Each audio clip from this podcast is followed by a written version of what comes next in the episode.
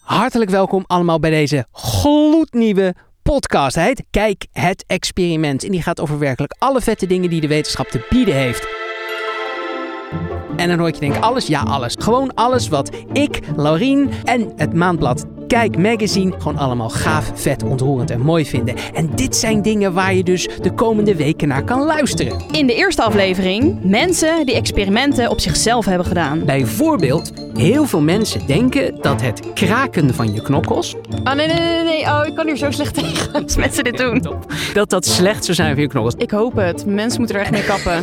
Ja, precies. Ik hoop het ook. Aflevering 2 gaat over megalomane experimenten. Over de allergrootste experimenten op aarde. Vet. Heel vet. En in de derde aflevering gaan we het hebben over de meest zinloze experimenten. En misschien denk je nu al, joh, waarom zou ik luisteren dan? Dan steken we je banden lek. Nou, die zinloze experimenten zijn vaak de leukste. Is het eigenlijk wel mogelijk een nutteloos experiment? Ja, weet niet, bestaat nutteloze kennis eigenlijk?